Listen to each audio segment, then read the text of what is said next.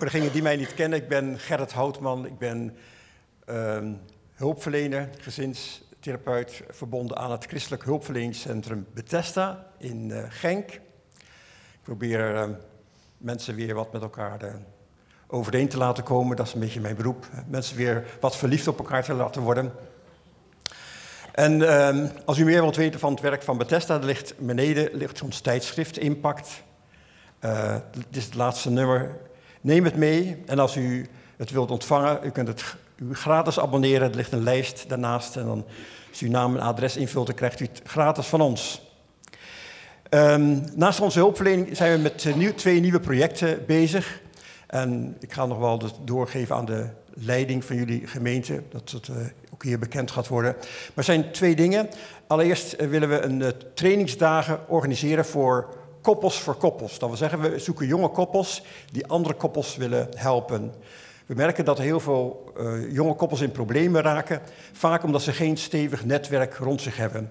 En we zoeken andere christelijke koppels die bereid zijn om met andere koppels in zee te gaan, om daar een relatie mee aan te gaan en hen te bemoedigen en hen te, uh, ja, van, hen, van elkaar te leren en hen te versterken in hun relatie. Um, dus uh, dit najaar gaan, gaan er twee studiedagen rond uh, en we gaan u zeker op de hoogte houden. En een ander project is dat we een pastorale cursus gaan starten rond um, gezinspastoraal. En dan vooral naar de problematiek waar we vandaag in ons pastoraat tegenaan lopen. De hele genderproblematiek, homoseksualiteit, nieuw samengestelde families. Eigenlijk alle actuele problemen die we vandaag in onze gezinnen en huwelijken, um, in de begeleiding van huwelijken en gezinnen ontdekken. En daar willen we graag uh, antwoorden op proberen te geven met leiders en pastorale werkers die deel, deel, willen nemen aan deze cursus. Maar we gaan u op de hoogte houden. Um, we gaan het hebben over de jas van Jozef. De jas van Jozef. En we gaan lezen um, Genesis 37, 1 tot met 11. En ik ben, ben heel benieuwd welke vertaling jullie uitgezocht hebben. Ik ga het lezen met u. Jacob echter woonde in het land der vreemdelingschap van zijn vader, in het land Canaan. Dit is de geschiedenis van Jacob. Jozef, 17 jaar oud, hij was dus nog jong, placht met zijn broeders, de zonen van Bilha en de zonen van Zilpa, de vrouwen van zijn vader, de schapen te hoeden. En Jozef bracht kwaad gerucht aangaande hen aan hun vader over. En Israël had Jozef lief boven al zijn zonen, omdat hij hem een zoon des ouderdoms was. En hij maakte hem een pronkgewaad. Toen zijn broeders zagen dat hun vader hem boven al zijn broeders lief had, haatten ze hem en konden niet vriendelijk met hem spreken. En Jozef had een droom en vertelde die aan zijn broeders. En daarom haatten ze hem nog meer. Hij zei namelijk tot hen: Hoor toch deze droom die ik gehad heb. Zie, wij waren aan het schoven binden in het veld. En daar richtte mijn schoof zich op en bleef overeind staan. En zie, uw schoven omringden haar en bogen zich voor mijn schoof neer. Daarop zeiden zijn broers tot hem: Wilt ge soms koning over ons zijn? Wilt ge soms over ons heersen? Toen haatten ze hem nog meer om zijn droom en om zijn woorden. En hij had nog een andere droom die hij aan zijn broeders vertelde. Hij zei, nu heb ik weer een droom gehad en zie, de zon, de maan en elf sterren bogen zich voor mij neer. Toen hij dit aan zijn vader en zijn broers verhaalde, onderhield zijn vader hem daarover en hij zei tot hem, wat voor een droom is dat die gij gehad hebt? Zullen soms ik, uw moeder en uw broers komen om ons voor u ter aarde neer te buigen? Tot zover het verhaal van Jozef. Hier is een prachtige vertaling, pronkgewaad, maar in de andere vertaling staat een veelkleurige jas. In het kinderliedje, de jas van Jozef, honderd kleuren zelfs. Oké, um, als ik um, vanuit mijn kantoor vanuit Bethesda in Genk de weg oversteek naar de bibliotheek, dan steek ik over een prachtige uh, veelkleurige zebrapad. Alle regenboogkleuren erin. Een regenboogpad. Ja? Vanwege de LHBT-beweging. Om maar aandacht te geven aan alle um, groepen die uh, ja, mogelijk niet aan bod komen. Om, die, om daar erkenning aan te geven. Ik heb niks tegen die regenboogkleuren. Um, ik vind, dat, uh, ik vind dat prima. Ik zie ook, nu is dat wat minder, maar destijds op heel veel kerktoren zelfs in de, in de regenboogjas. Um, ik vind alleen, er zouden ze ook nog de kleur wit bij moeten doen. Hè, dan voor dat ongeboren kind. Hè, want dat is ook een groep die, onder de, die geen erkenning krijgt. Of de kleur zwart voor de, voor de vervolgde christenen. Dat zou er ook nog bij mogen. Hè, want één op de zeven christenen wordt vervolgd. Hè.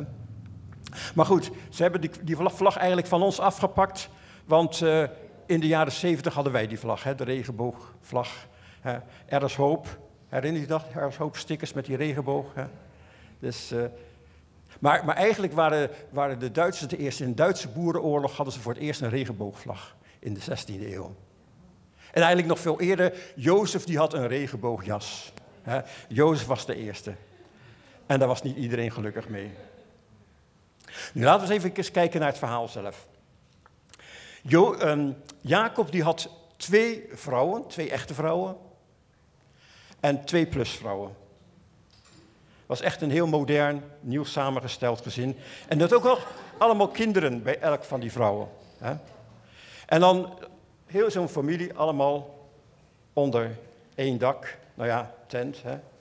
En dan, wat krijg je dan in zo'n familie? Dan krijg je lievelingetjes en je krijgt zondebokken. In dit geval was Jozef het lievelingetje van Jacob. En de rest, dat waren de zondebokken, de slechterikken. En Jozef had een directe kliklijn met zijn vader, dus al het slechte van zijn broers kon hij mooi doorklikken naar de, uh, zijn vader. Wat een familie. En het wordt nog erger, want even later dan gaat de broer van uh, Jozef, Juda, die gaat met zijn schoondochter naar bed en maakt haar zwanger. En de broers van Jozef die moorden een hele stad uit, uit eerwraak omdat ze hun zus eh, Dina hebben aangerand. Wat een familie. Zou u zo'n familie in uw kerk willen hebben? Hm? Hm?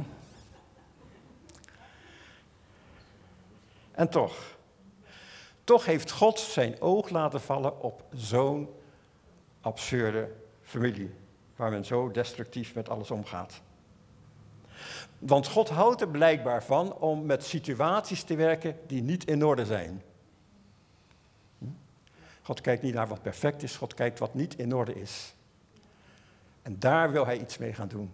En dat vind ik nu geweldig, onze, onze hoop. Je kunt misschien heel ontevreden zijn voor jezelf en denken van, oh, wat heb ik van in mijn leven van gemaakt? Welke fouten heb ik allemaal? Uh, uh, wat gaat er niet allemaal mis? En welke beperkingen heb ik allemaal niet? En welke verborgen geheimen loop ik allemaal niet mee rond. En dan te weten, God werkt met wat kapot is. Want dat wil God herstellen. Daar wil God iets mee gaan doen. En dat is de hoop van het evangelie, wat je al in het Oude Testament terugvindt. Nu, eerste les. Eerste les van dit verhaal is, God werkt met plannen. God werkt altijd intentioneel. God zoekt mensen die hij warm kan maken voor zijn plannen, voor zijn ideeën, voor zijn doelen. En wij hebben heel vaak toch dat idee van dat God op zoek is naar mensen die iets verkeerd doen en dan kan hij er wat van zeggen. Alsof God een soort politieagent is of een regisseur of wat dan ook. Maar God is zo niet. God kijkt of hij mensen warm kan krijgen voor zijn ideeën. God heeft ideeën. God heeft plannen. En midden in deze wereld die zo gebroken is en waar zoveel dingen misgaan en waar we soms zo wanhopig worden, waar gaan we naartoe met deze wereld? God heeft plannen. God werkt intentioneel en God zoekt mensen die hij daar warm voor kan krijgen. Waarom heeft God jou in deze wereld en in deze tijd geboren laten worden? Waarom ben jij daar nu?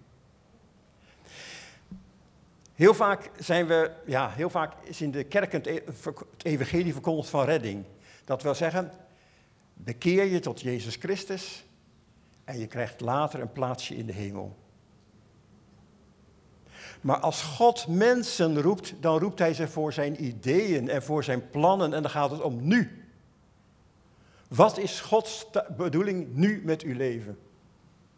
En heel de Bijbel door gaat het daarom. Natuurlijk gaan we naar de hemel. En natuurlijk gaan we meedoen aan het grote feest. Maar nu gaat het om de, taak en om het plan en om de bedoeling die God in je hart gelegd heeft. Adam en Eva werden in de hof geplaatst. Met de bedoeling dat, om die hof van Eden te bewerken en te bewaren. De, wat we noemen de cultuuropdracht. Mozes die moest zijn volk bevrijden uit Egypte. Jozua die moest het volk uh, het beloofde land binnen te brengen. Gideon die werd geroepen om het volk te bevrijden van de Filistijnen. Simpson op zijn manier idem dito. David die moest het volk samenbrengen rond een eredienst. En de profeten die werden geroepen om het volk een werkelijke identiteit te hervinden. De priesters die werden geroepen om de eredienst van God centraal te stellen. En de discipelen werden geroepen om vissers van mensen te worden. En Paulus krijgt bij zijn bekering onmiddellijk de roeping om het evangelie aan de niet-Joden te verkondigen. Wat is uw roeping? Wat is de reden van uw bestaan? Welke talent heeft God u gegeven? Waar gaat het om? Nu, terug naar het verhaal. Als God een situatie binnenkomt van wanorde, van chaos, wat doet hij dan? Het eerste wat God doet is niet de orde herstellen. Is niet kijken wat er fout gaat. Maar het eerste wat God doet, hij geeft een droom. Hij geeft een verlangen. Dat vind ik toch zo bijzonder van God.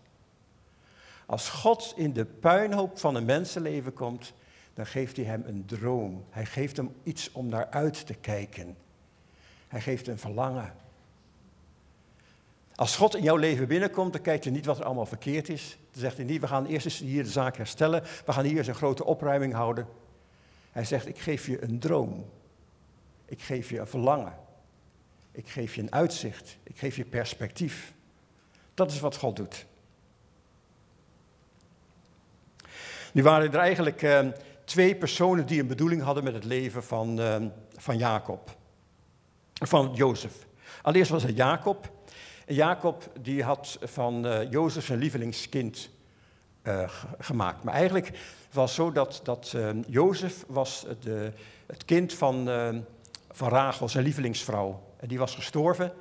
En eigenlijk ja, was, was Jozef bedoeld om, om uh, hem te helpen in het rouwproces. Eigenlijk was het een troostkind. Hij moest, uh, Jozef moest als het ware de herinnering aan Rachel levend houden. Vandaar dat hij ook die prachtige uh, mantel kreeg met al die mooie kleuren. Om te laten zien, ik hou van jou en jij bent echt mijn, mijn lievelingetje. Jij bent echt waar ik zo van houd. Maar hij keek als het ware door Jozef heen naar Rachel, zijn lievelingsvrouw waar hij alles voor over had uh, gehad. Eigenlijk kocht Jacob de liefde van Jozef. Maar God had ook een bedoeling. En later dan zegt Jozef, dan heeft hij het over die bedoeling van God. Dan zegt hij, kijk, jullie zijn slecht geweest. Later in uh, Egypte, als uh, de broers dan bij hem komen, dan zegt hij, jullie zijn slecht geweest. Maar God heeft het gebruikt voor iets goeds. Want hij had een plan. En hij wilde een groot volk redden van de dood. God heeft mij voor jullie uitgestuurd om jullie te kunnen redden. Welke plannen liggen er voor jou klaar? En als je niet gaat kijken naar de droom die God in je hart gelegd heeft, als je niet gaat kijken naar de plannen die God voor je heeft, dan loop je verschrikt in al die andere plannen die mensen voor jou hebben. Want dat is het probleem. Je kunt wel God buitenschakelen, maar er zullen anderen komen met al hun verwachtingen en plannen. Kijk maar naar de, de reclame. Kijk naar de maatschappij om je heen, wat er niet allemaal van ons verwacht wordt. Uh, de, de, de, problemen waar jonge mensen vandaag mee zitten, is de enorme druk van de maatschappij en al de verwachtingen die er gesteld worden. waar ze aan moeten voldoen om erbij te horen. En het gaat allemaal zo ontzettend snel, de ene verandering na de andere. Ja. En de bevrijding daarvan is luisteren naar de droom die God in je hart gelegd heeft. Wat is jouw verlangen? Welke droom heeft God in jouw hart gelegd? Misschien toen ik heel jong was en dat je denkt, oh, dat was kinderachtig, dat was, toen was ik nog een kind en dat, was, dat hoorde allemaal al uh, bij, bij die tijd. Nee, God was toen aan het beginnen met jou. Hij heeft toen een zaadje in jou gelegd, heeft toen een plan, een droom in jou gelegd. En dat gaf aan de richting van jouw leven. Terug naar Jozef. Jozef kreeg een droom. Hij kreeg er zelfs twee. Twee voor de prijs van één. En allebei wezen ze naar hetzelfde. Zijn, zijn broers zouden buigen voor hem en zelfs zijn ouders. Een droom waarin Jozef centraal staat. Als God jou een droom geeft, dan zet hij jouzelf in het middelpunt. God houdt ervan als jij in het middelpunt staat van je droom. En dat is iets wat we, waar we misschien wat moeite mee hebben. Althans, wij christenen. De wereld heeft er geen moeite mee, want daar gaat het allemaal om het ik. Maar wij christenen zijn zo gewend om onszelf weg te cijferen en de ander te dienen. En het gaat om, om, om de, de opdracht die we hebben, en de taken die we moeten vervullen, en de plichten die we hebben. Maar God laat zien in jouw droom, jij bent voor mij belangrijk. Jij bent waardevol. Jij bent een speelfiguur. Je bent een sleutel. En natuurlijk moest Jozef laten leren dat dat allemaal ten dienste was voor anderen, om anderen te redden. Maar God houdt ervan om jou in het middelpunt van de belangstelling te zetten. Maar God vindt jou belangrijk. God vindt je waardevol. God is trots op jou. En hoe lang duurt het voordat dat eindelijk eens een beetje tot ons doordringt? Dat God trots op ons is en dat hij ons vertrouwt. En toch is dat zo ontzettend belangrijk om dat te beseffen. Daarom geeft God dromen. Omdat hij van ons houdt, omdat hij trots op ons is, omdat hij in ons gelooft. Hij kijkt voorbij onze fouten, voorbij alles wat er misgaat, ziet hij een waarde in ons en heeft hij voor ons gekozen. Gekozen toen wij nog niet geboren waren. Voordat wij fouten konden maken, had hij al een besluit over ons genomen, had hij een keuze voor ons gemaakt. Hield hij van ons. Wij zijn belangrijk. En ik denk dat wij christenen veel te veel in de, ons laten intimideren door de wereld om ons heen en vergeten hoe belangrijk wij zijn. Als um, Petrus en Johannes op de tweede Pinksterdag naar de tempel gaan en zien daar die verlamde man liggen, dan zeggen ze tegen hem: Kijk naar ons. Kijk naar ons. En dat is wat de kerk vandaag moet durven zeggen. Kijk naar ons. Wij hebben een antwoord op jouw nood. Wij hebben iets wat jij nodig hebt. Kijk naar ons. Durf naar ons te kijken. En heel vaak dan, dan uh, zeggen we, kijk naar de Heer. Hè? God houdt van jou. Hè? Nee, wij houden van jou. Hè? En hopelijk dat je daardoor ontdekt dat God van je houdt. En wij moeten durven te zeggen, de kerk is op dit moment de belangrijkste factor in deze wereldgeschiedenis. Ja? En het is door ons dat God op dit moment tegenover het rijk van de demonen duidelijk maakt de veelkleurige wijsheid van God. Dat doet God door middel van de kerk. En God stelt die kerk centraal. En God zegt, ik wil dat je weet hoe belangrijk je bent. Ik, weet, ik wil dat je weet hoe waardevol je zijn. Als de eerste christenen daarvan niet doordrongen waren, hoe hadden ze het lijden aangekund? Maar ze waren bereid om het lijden te dragen omdat ze wisten hoe belangrijk het was. Omdat zij wisten dat ze de sleutels van het koninkrijk in handen hadden. En er is natuurlijk lijden in deze wereld, dat is waar. Maar bovenal geldt dat wij een, een taak hebben, een opdracht, een missie hebben. En dat God zegt, ik geloof in jou. Ik vertrouw je. Ik geef jou alle krediet. Amen. Oké, Nu, waarom, waarom, gaf God, of waarom God, gaf God deze dromen aan Jozef? Het eerste wat jo Jozef moest leren, is dat hij moest loskomen van zijn veilige leventje bij zijn papa. Hij moest loskomen van uh, het, het, idee wat hij tot nu toe had van ik ben een kind van, van mijn papa en ik krijg mooie jassen van hem en het leven is goed en af en toe kan ik wat klikken over mijn broers. En dat was zo'n beetje zijn leven. Zo zag zijn leven eruit. En hij vond dat prima. En God wilde hem daar vrij van maken. En God zei, ik heb een andere bestemming voor jou, een ander plan. En het probleem is dat we zo hangen aan veiligheid, aan controle en aan zekerheid, dat we vergeten wat God met ons voor heeft. Als, als, een, eh, als een raket van de aarde wordt weggeschoten, de ruimte in. 80% van de brandstof wordt gebruikt om los te komen van de aarde. En daarna gaat het bijna vanzelf. En zo is het ook met ons. 80% van de energie die de Heilige Geest in ons moet steken, is loskomen van ons verleden, loskomen van onze veiligheid, loskomen van ons comfort. Dat is, eigenlijk, dat, dat is eigenlijk het voornaamste probleem waar we zitten. We willen zekerheid, we willen controle en we houden niet van verrassingen. En dan zijn we bij God aan het verkeerde adres. Want God houdt van verrassingen en God houdt niet van comfort en God houdt van avontuur. Hm. Hij moest loskomen van zijn verleden. Tweede, God gaat Jozef trainen. Hij gaat hem een droom geven en vervolgens geeft, maakt hij hem geschikt voor die droom. Maar begint met de droom. Eerst geeft God een droom in jouw leven en vervolgens maakt hij daar geschikt voor en niet andersom. En tussen de droom en het voltooien van de droom van Jozef zitten 13 jaar. 13 jaar waarin het steeds meer naar beneden gaat. Eerst wordt hij in de kuil geworpen. Even later wordt hij verkocht als slaaf. Dan komt hij in het huis van Potifar terecht. En door het uh, bedrog van de vrouw van Potifar komt hij uiteindelijk in de gevangenis terecht. En dan belooft de schenker een goed woordje voor hem te doen, maar de schenker die vergeet hem weer. Dertien jaar gaat het alleen maar telkens meer naar beneden. Om wanhopig van te worden. Maar dat is de trainingsschool die God met ons volgt.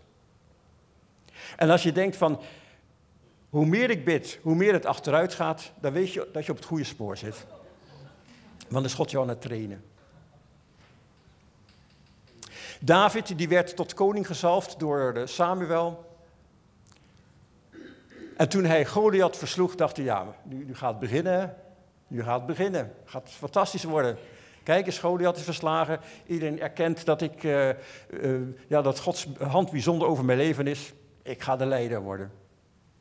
Vergeet het maar. Tientallen jaren moet hij op de vlucht gaan uit angst voor koning Saul. En overal ontmoet hij ellende en overal strijd. En het heeft jaren geduurd voordat hij uiteindelijk koning wordt over heel Israël. Eerst over de twee stammen en later over de twaalf stammen. Er is lijden, er is training, er zijn teleurstellingen.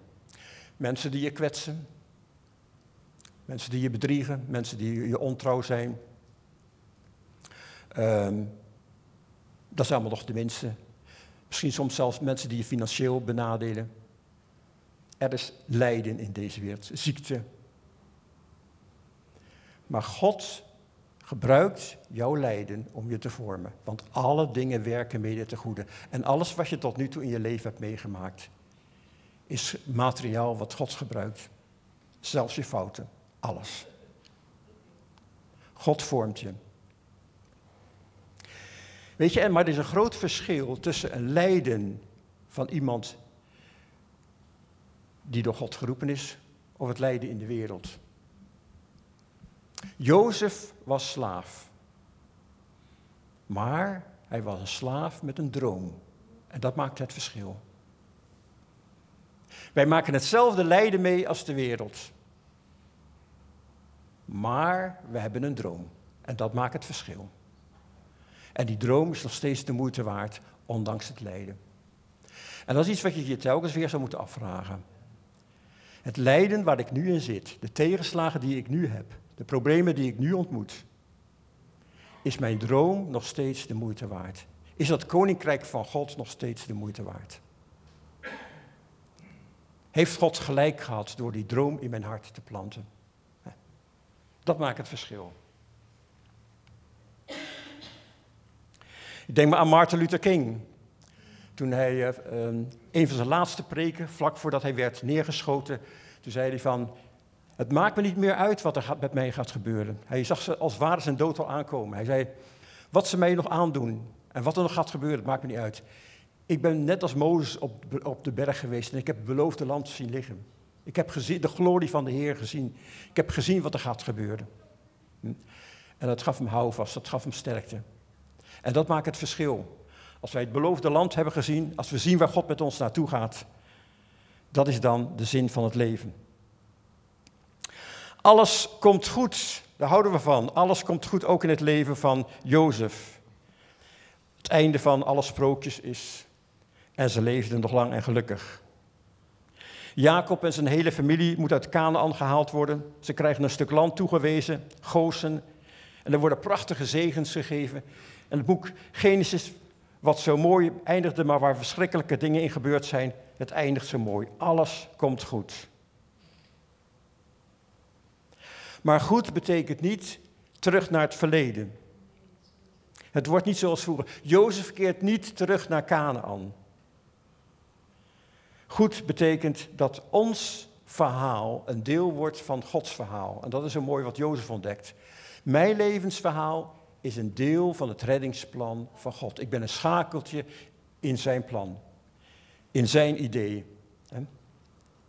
En dat is, uh, dat, dat is eigenlijk waar het om gaat. Maakt mijn geschiedenis, maakt mijn historie deel uit van zijn historie, his story.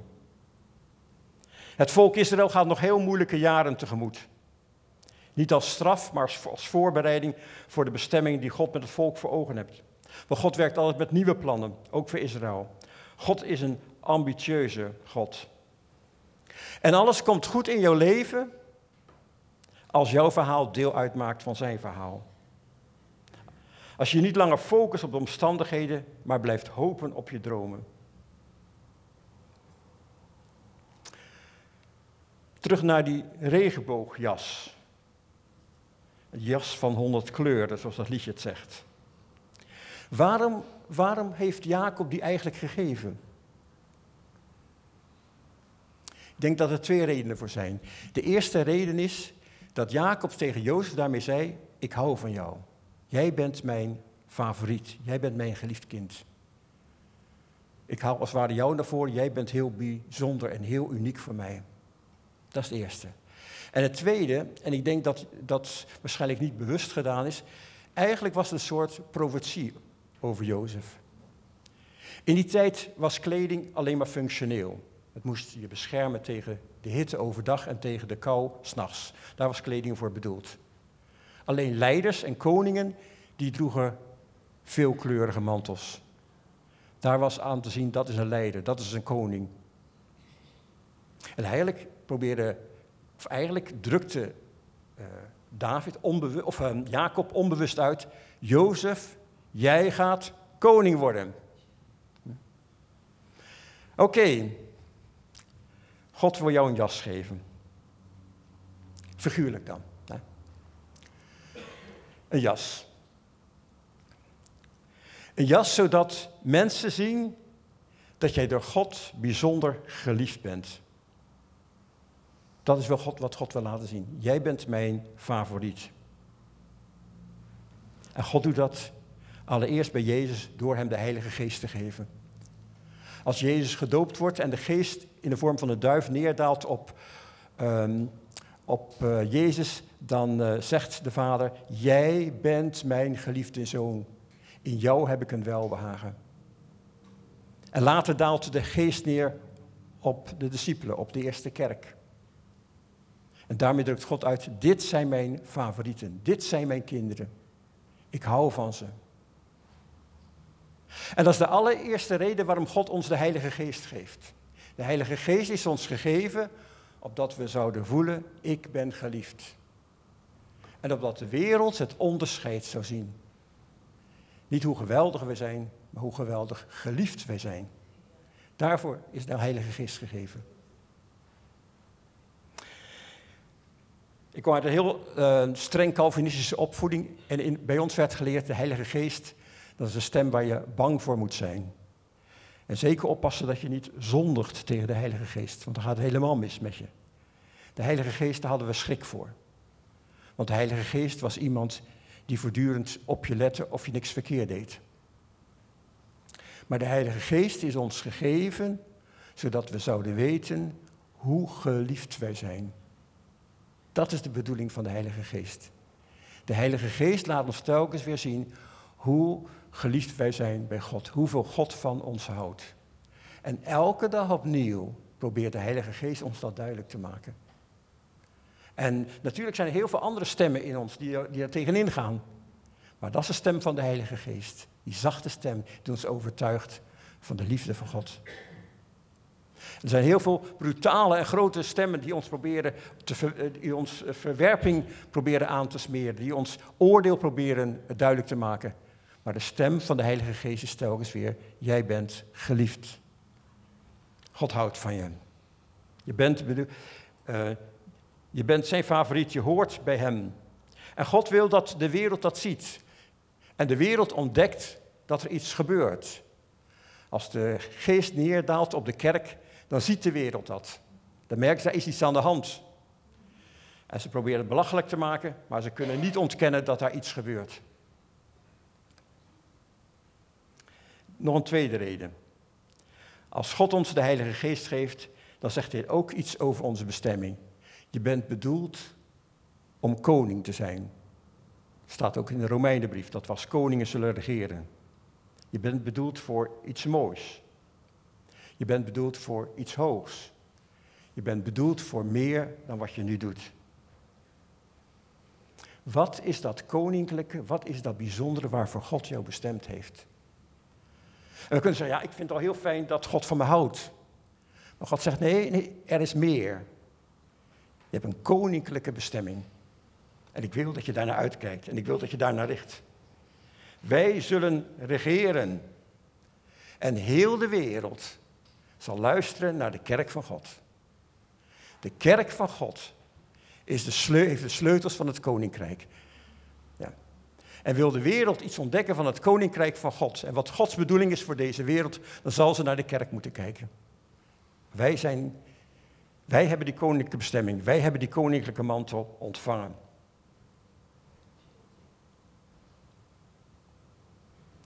Wanneer heb jij de stem van God gehoord in je leven? Misschien bij je doop, misschien bij je huwelijk, misschien op een ander moment. Momenten dat voor je gebeden werd, dat, je, uh, werd, dat met je werd gebeden voor de vervulling met de Heilige Geest, dat je in tongen begon te bidden. Moment dat er profetieën over je werden uitgesproken. Wat is er allemaal niet in jou gezaaid? En dat is ontzettend kostbaar. En misschien heel eenvoudig dat mensen jou een kaartje sturen met een bemoedigende tekst. Wat is er niet allemaal voor goeds naar jou toegekomen? Allemaal woorden die heenwezen naar jouw bestemming, naar wat God met jou voor heeft. En ik, ik, ik, wou, ik wou dat, je daar, ehm, dat ik je daar weer enthousiast voor kon maken. Daarvoor dat plan wat God met jouw leven heeft. En dat God een hoge bestemming heeft. En niet dat middelmatig waar je nu staat. Weet u, er is een groot gevaar dat als je in een, in een periode zit waarin er niks gebeurt, dat je vervalt in een soort middelmatigheid. Dat je denkt, ik, ik heb voor veel gebeden, ik heb prachtige dingen in het verleden meegemaakt, maar het is allemaal stilgevallen in mijn leven. Dus dan zal ik het hierbij moeten laten. Dan is dit het blijkbaar. En dat is de grootste fout die we kunnen maken. Je als je nu in een periode zit waarin het lijkt of er niks gebeurt. Trouwens, we hebben net gezongen. Zelfs al voel ik het niet, God is aan het werk. Hè? Ik vind een prachtig lied. Hè? Ook al voel ik het niet, ook al zie ik het niet, God is nog steeds aan het werk. Maar goed, je zit even in die, in die overgangsfase. Waarin het lijkt of er niks gebeurt. Besef dat je in transitie bent. Je bent op weg van een rups naar een vlinder. Je bent op weg van genezing naar herstel. Je bent op weg van nederlaag naar overwinning. Je bent op weg van tegenslag naar voorspoed. Want God heeft iets groters voor je op het oog. Of zoals in Deuteronomium staat en God zegt, het land wat ik voor jullie bestemd heb, is anders dan Egypte. Want dat moesten jullie zelf bewerken. Maar dit is een land waar de Heer God voor zorgt en zijn ogen zijn voortdurend gericht erop. Dag en nacht, het hele jaar door. Dat is het land wat God voor jou bestemd heeft. En God is op dit moment bezig in die transitie met jou. Misschien zijn sommigen van u al een stap verder en ben je al bezig om koning te zijn. Maar ik kan me voorstellen dat er veel van ons nog in transitie zitten. Net als jo Jozef in die dertien moeilijke jaren. Maar besef, het lijkt alsof het naar beneden gaat, maar het gaat omhoog. Het lijkt alsof alles tegen zit. Maar de, de, de voorbereidingen voor jouw overwinning liggen al klaar. God is het aan het voorbereiden om jou een hoge positie te geven. Maar God verlangt ernaar dat je zou groeien en dat je bijzonder zou worden. En dat mensen voor jou zouden applaudisseren en dat mensen rekening met jou gaan houden. Want God heeft jou een mandaat en autoriteit gegeven. God geeft ons gezag. Dat is een thema wat mij de laatste tijd bezig is. God geeft ons gezag. God geeft ons autoriteit. En wij lopen daarvoor weg. We zeggen, ja, wie ben ik? Hè? Ik heb zoveel fouten gemaakt. Of tot nu toe heeft toch nooit iemand naar mij geluisterd. Ik ben een stem die roept in de woestijn, net als Johannes de Doper. Wie ben ik? Maar God zegt, de voorbereidingen voor jouw optreden worden getroffen. De voorbereidingen liggen klaar. Ik heb een hoge bestemming voor jou. En ik denk, ik denk eigenlijk dat dat het probleem is vandaag voor de kerk. Dat wij tevreden zijn met middelmatigheid. En dat we die hoge roeping, die dromen die God in ons hart gelegd heeft, dat we die wat opzij schuiven. Je kunt, je kunt Jozef van alles verwijten. Een beetje arrogant. Uh, dat, dat klikken naar zijn vader en al die dingen meer. Ehm, je kunt van alles verwijten. Maar één ding kun je hem niet verwijten. Hij heeft zijn dromen aanvaard. Toen hij die droom kreeg, zei hij niet van, zeg, nu heb ik toch al een droom gehad. Ik in het middelpunt, mijn broers die bogen voor mij. Dat is toch wel echt een droom uit het vlees. Dat is toch wel echt arrogant van mij. Dat is toch wel heel hoogmoedig. Dat moet wel van de duivel zijn, dat kan niet anders. Nee, hij zei, laat maar komen. Prachtig, onmiddellijk zijn broers vertellen. Kijk eens hoe mooi. En vervolgens de tweede droom. Hè, dat de sterren boven voor hem. Nog mooier, prachtiger. Nog even de melkwegen ook en dan wordt het helemaal geweldig. Alles buigt voor mij. Hij was er helemaal enthousiast over. Als God je een droom geeft, als God je een verlangen geeft, als God iets in je hart legt, als God iets in jouw hart plant, ben je daar dan enthousiast over? Neem je het dan aan en zeg je net als Jozef, ja, geweldig. Oké, hij wist niet dat daar ook nog een trainingsschool aan vast zat van 13 jaar, maar goed. Hij zei yes tegen de droom. En ik denk dat we, dat we als kerk hele moeilijke tijden tegemoet gaan. Dat is geen profetie, dat kunt u gewoon in de krant lezen. We gaan hele moeilijke tijden tegemoet. Maar als we niet een droom hebben, als we niet een verlangen hebben, als we het koninkrijk van God niet in ons hart hebben, hoe houden we het dan vol? Als we het perspectief van wat God aan het doen is in deze wereld, als we dat niet voor ogen hebben, hoe, hoe kunnen wij hoop bieden? En denk, bereid je erop voor, de wereld zal naar ons toe komen. De wereld zal naar ons toe komen. Omdat de wereld in wanhoop is. Ja. En die wanhoop neemt alleen maar toe.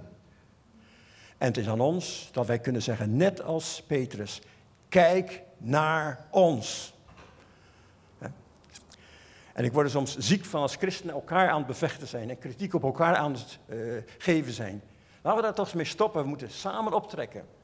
Voor welke kerk we ook zijn, welke denominatie we zijn. Protestant, gereformeerd, katholiek, maakt allemaal niet uit. Laten we samen optrekken. En tegen de wereld zeggen, kijk naar ons. Want we hebben iets te bieden. God heeft ons de sleutels gegeven van het koninkrijk. Ik moest een keer spreken voor uh, middelbare scholieren. En God gaf mij het volgende beeld. Misschien heb ik het al eens eerder gedeeld in de, bij jullie. Um, als een, uh, een grote oceaanschip, hè, dus wat, wat alle oceanen van de wereld al bevaren heeft. En het komt de, de haven van, uh, bij, komt bij Vlissingen de Schelde opvaren. Op dat moment moet die ervaren kapitein, hoeveel ervaring die ook heeft, het uh, stuur loslaten en de loods laten bepalen waar het schip naartoe gaat. Om veilig van Vlissingen naar de haven Antwerpen te gaan. En zo is God een jonge generatie aan het voorbereiden. Om de moeilijke fase van de geschiedenis waar we nu doorheen gaan, het schip van de maatschappij doorheen te leiden. En in deze, wat we noemen eindtijd of moeilijke tijd, of welk wat voor tijd dan ook, maar er gaat een jonge generatie komen. Een nieuw, nieuw leger van God, wat God aan het voorbereiden is. Wat de loodsfunctie gaat vervullen. Zodat het schip veilig uh, van, vanaf, de, vanaf Vlissingen naar de haven van Antwerpen kan gaan. Dat gaat er gebeuren. En laten we daar, daar naar kijken, laten we daar um, um, ja, door, door de buitenkant heen kijken. Laten we kijken naar jonge mensen, laten we hen bemoedigen. Laten we over hen profiteren en laten we, laten we hoopvolle dingen over hen uitspreken, omdat God daar iets mee gaat doen. En weet je, we zijn soms zo met onszelf bezig. Hè? Van, uh, dan klagen we tegen ons van, ach ja, ik heb slecht geslapen, ja, is mijn oude dag. Of, of uh, mijn rug wil me niet meer zo goed. Of, uh, en ben jij ook al op pensioen? En dat soort gesprekken voeren we. Hè? En denk, laten we daar toch mee stoppen. Laten we kijken naar de jonge generatie en laten we hen bemoedigen. En laten we tegen zeggen, God heeft een droom voor jou.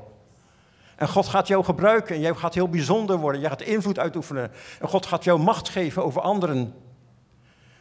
Dat is onze opdracht. Hè? En niet kijken wat er verkeerd is, hè? maar kijken naar wat God gaat doen. Wat is God? Wat heeft God op het oog? Welke dromen wil Hij in de harten van mensen leggen? God is zeer ambitieus. En God werkt altijd intentioneel. Heeft alleen maar plannen, heeft alleen maar idealen. Zijn koninkrijk, dat is het beste wat er is voor deze wereld. En wij zijn daarvoor bedoeld om dat koninkrijk van God hier te proclameren en duidelijk te maken en te verkondigen. Laten we daarom uh, ons toewijden, om niet uh, heel vaak zeggen we, als we ons toewijden aan God, dan zeggen we, Heer, hier ben ik. Maar ik zou willen vragen, als u zich toewijdt, zeg dan, Heer, ik wil er zijn voor de jonge generatie. Ik wil er zijn om hen te bemoedigen. Want dat is eigenlijk de enige functie die we nog hebben. Um, ik, ga, ik, ga, geen le leeftijdgenoten van mij nog kunnen veranderen. Hè? Uh, wees maar wie je bent. Maar ik ben God dankbaar dat God jonge mensen op mij wegbrengt voor wie ik iets kan betekenen. Jonge koppels die heel uh, met God willen leven en hun kinderen heel consciëntieus willen opvoeden, denk ik, wauw. Laten we jonge mensen bemoedigen. En we komen allemaal er wel ergens jonge mensen tegen voor wie wij een goed woord kunnen uitspreken. En laten we daarmee wat oefenen en wat experimenteren. En die denken van, ja, maar uh, wat zullen ze van mij als ouderen willen aannemen? Of wie ben ik dat ik dat kan zeggen? Nee, laten we alsjeblieft het doorgeven. In de Psalm 77 staat dat, we het dat het de boodschap van God doorgegeven moet worden van generatie op generatie, opdat die volgende generatie uiteindelijk vertrouwen zou hebben in God. En dat is wat we willen bewerken. Vertrouwen in God. De wereld is wanhopig, ja. Lees maar de kranten, kijk maar naar de, naar de serieuze talkshows. Ze hebben geen hoop. Ze hebben geen uitkomst. Denk maar aan de hele, uh, alle vragen rond de klimaatproblemen. Ze hebben geen antwoorden. Maar wij hebben een antwoord. Deze wereld is in Gods handen en Hij is regisseur. En Hij is bezig om zijn koninkrijk te vestigen in deze wereld. En Hij zal niet loslaten het werk wat Hij begonnen is. Amen. Laten we ons aan God uh, toewijden. En misschien, als u wilt, mag u daarbij recht gaan staan.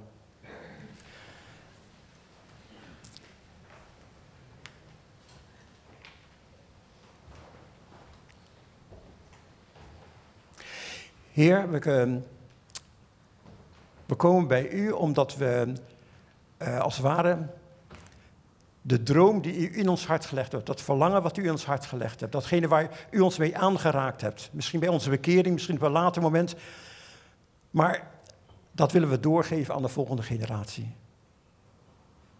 En we willen dat, dat, dat jonge mensen weer enthousiast worden en dat ze weer een doel krijgen om voor te leven. En dat ze weer iets krijgen waar, waar ze zeggen, dit is de moeite waard. Dit is werkelijk veel beter dan al het andere wat er is in deze wereld. En ik, uh, ik dank u, Heer, dat u hoop in ons hart gelegd hebt. Dat wij een boodschap hebben van hoop. Fundamentele hoop, omdat er wij over de, de horizon heen het koninkrijk hebben zien liggen. We zijn op de berg geweest, net als Mozes, en we hebben het koninkrijk gezien. En we weten, daar gaat het naartoe.